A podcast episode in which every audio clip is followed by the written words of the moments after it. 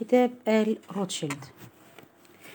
ترجع البدايات الأولى لفكرة إنشاء وطن خاص باليهود يجمع شتاتهم ويكون حارسا على مصالح دول أوروبا الاستعمارية في الشرق إلى ما قبل الحملة الفرنسية على مصر. وظهرت أولى العلامات في وعد نابليون بإنشاء دولة اليهود وتصوروا أين؟ في فلسطين حيث دعاهم لإعادة بناء الهيكل باعتبارهم ورثة إسرائيل الشرعيين. هذه الدعوة جاءت في شهر مارس من عام 1799 أي قبل أكثر من قرنين من الزمن وهو ما قصدته بالعنوان. كان نابليون يحلم بإقامة دولة تابعة له في فلسطين لتشكل شكوك لتشكل شوكة في حلق غريمته إنجلترا ولتصبح أداته في السيطرة على مصر طرق المواصلات إلى الشرق. وبعد أن فشلت حملة نابليون إلى مصر عاد إلى أوروبا وحقق فيها انتصارات باهرة. وتألق تاج الإمبراطورية على رأسه ولكنه ظل يحلم بمشروعه وخشى أن يستفيد الإنجليز من فكرته ببناء دولة لليهود في فلسطين. ولكي يسد الطريق عليهم وانطلاقا من قانون المصلحة الاستعمارية دعا في عام 1807 إلى اجتماع السان هندرن وهو المجلس الكهنوتي الأعلى لليهود في أوروبا. وجعل الكهنة يتخذون قرارا يعلنون فيه أن اليهود ينتمون إلى قوميات البلاد التي يعيشون فيها وأن اليهودية هي دينهم فقط.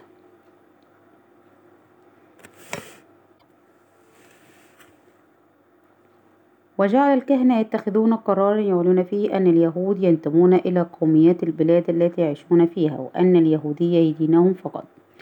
وقد وجدت هذه الدعوة صدى لها لدى كثير من اليهود. فقد كتب المفكر اليهودي موسى هيس يقول إن فرنسا لا تتمنى أكثر من أن ترى الطريق إلى الهند والصين وقد سكنها شعب على أهبة الاستعداد لأن يتبعها حتى الموت. فهل هناك أصلح من الشعب اليهودي لهذا الغرض؟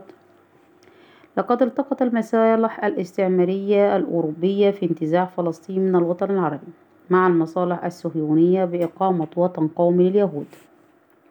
بل أن قادة أوروبا هم الذين عرضوا على اليهود إقامة وطن لهم في فلسطين قبل أن تطرح الحركة الصهيونية الفكرة بسنوات طويلة. وعلى الأخص من جانب فرنسا وبريطانيا في محاولة للتخلص من المشكلة اليهودية في أوروبا وتحقيق مكاسب استعمارية من الدولة اليهودية. كان التنافس الاستعماري بين بريطانيا وفرنسا واضحا في الشرق الأوسط. حتى قبل قيام الحركة الصهيونية وكان هدف كل منهما حماية مصالحه في المنطقة وملاحقة الدولة الأخرى من أجل إيذائها أو منافستها على تلك المصالح وإيجاد الوسائل المختلفة التي تحمي مصالحها. واعتقدت بريطانيا بعد فشل نابليون بونابرت في مصر وبلاد الشام أنه من المفيد إيجاد بدائل أخرى في الشرق الأوسط لاستمرار تفوقها على فرنسا. وقد وجدت في فلسطين مكانا ملائما لبسط نفوذها بسبب الموقع الجغرافي الذي تتمتع فيه وسط الوطن العربي وباعتبارها البوابة التي تربط بين آسيا وأفريقيا. ولهذا فإن من مصلحة الاستعمار الأوروبي والبريطاني بالذات فصل الجزء الآسيوي عن الجزء الأفريقي من الوطن العربي وخلق ظروف لا تسمح بتحقيق الوحدة بين الجزئين في المستقبل. بدأ الموقف البريطاني يتضح بعد حملة محمد علي باشا والي مصر إلى الشام عندما أرسل ابنه إبراهيم باشا إلى المنطقة. مما أثار بريطانيا لأنها خشيت أن تتوحد مصر مع بلاد الشام في دولة واحدة. لهذا ساهمت بريطانيا مع الدولة العثمانية في إفشال حملة إبراهيم باشا على بلاد الشام.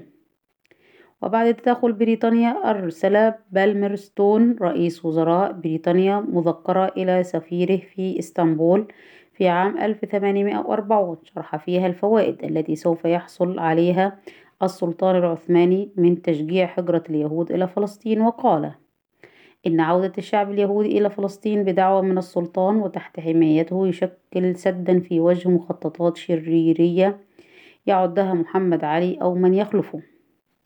وفي مارس 1840 وجه البارون اليهودي روتشيلد خطابا إلى بالمرستون قال فيه إن هزيمة محمد علي وحصر نفوذه في مصر ليس كافيين لأن هناك قوة جذب بين العرب. وهم يدركون أن عودة مجدهم القديم مرهون بإمكانيات اتصالهم واتحادهم. إننا لو نظرنا إلى خريطة هذه البقعة من الأرض فسوف نجد أن فلسطين هي الجسر الذي يوصل بين مصر وبين العرب في آسيا. وكانت فلسطين دائما بوابة على الشرق والحل الوحيد هو زرع قوة مختلفة على هذا الجسر في هذه البوابة لتكون هذه القوة بمثابة حاجز يمنع الخطر العربي. ويحول دونه إن الهجرة اليهودية إلى فلسطين تستطيع أن تقوم بهذا الدور. وليست تلك خدمة اليهود يعودون بها إلى أرض الميعاد مصداقا للعهد القديم. ولكنها أيضا خدمة للإمبراطورية البريطانية ومخططاتها فليس مما يخدم الإمبراطورية أن تتكرر تجربة محمد علي سواء بقيام دولة قوية في مصر أو بقيام الاتصال بين مصر والعرب الآخرين. ذهبت أحلام نابليون أدراج الرياح واصطدمت طموحات بلمرستون بالواقع. ذلك لأن اليهود أنفسهم لم يكونوا معنيين ولا راغبين بما يطرح عليهم.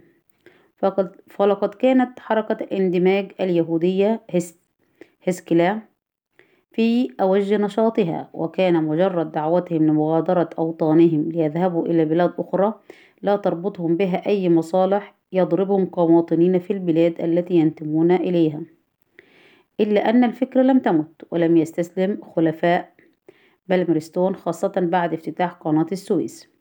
فعادوا للتمسك بمخططهم الصهيوني الاستعماري والدعوة لتوطين اليهود في فلسطين. ولقد تمكن ديزرائيلي رئيس وزراء بريطانيا من شراء حصة الخديوي من قناة السويس عام 1875 وكان ديزرائيلي ووزير خارجيته اللورد سيلزبري يتبنيان مشروع بالمرستون فشجع اللورد لورنس أوليفانت بالتفاوض مع الحكومة العثمانية حول أرض يمكن لليهود استيطانها ولكن الأحداث تلاحقت. ففي عام 1880 فاز حزب الأحرار في الانتخابات وتولى غلادستون محل ديزرائيلي وبحث الصهاينة اليهود عن صهاينة بري... عن صهاينة بريطانيا أمثال بالمرستون وشافنسيري وديزرائيلي وسلزبري فلم يجدوهم. ولابد من التأكيد على أن وجود دور أمريكي في سياق الحديث عن وعد أو وعود بلفور فالجميع قد تآمر. فقد كان المهاجرون البروتستانت الأوائل الأمريكا يؤدون صلواتهم باللغة العبرية ويطلقون على أبنائهم وبناتهم أسماء أنبياء وأبناء وبنات بني إسرائيل. الوارد ذكرهم في التوراة كما قاموا بفرض تعليم اللغة العبرية في مدارسهم حيث شبهوا خروجهم من أوروبا إلى أمريكا بخروج اليهود أيام موسى عليه السلام من مصر إلى فلسطين حيث نظروا إلى أمريكا على أنها بلاد كنعان الجديدة أي فلسطين. ونظروا أيضا إلى الهنود الحمر وهم سكان أمريكا الأصليين على أنهم الكنعانيون العرب وهم سكان فلسطين الأصلي الأصليين. وعندما أسسوا جامعة هارفرد عام 1636 كانت اللغة العبرية هي اللغة الرسمية للدراسة في الجامعة.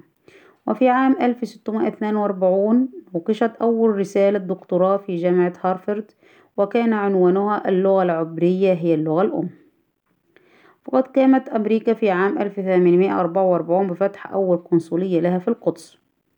وهناك بدأت تقارير القنصل الأمريكي تتوالى على رؤسائه. قد كانت تتمحور حول ضرورة التعجيل في جعل فلسطين وطنا لليهود.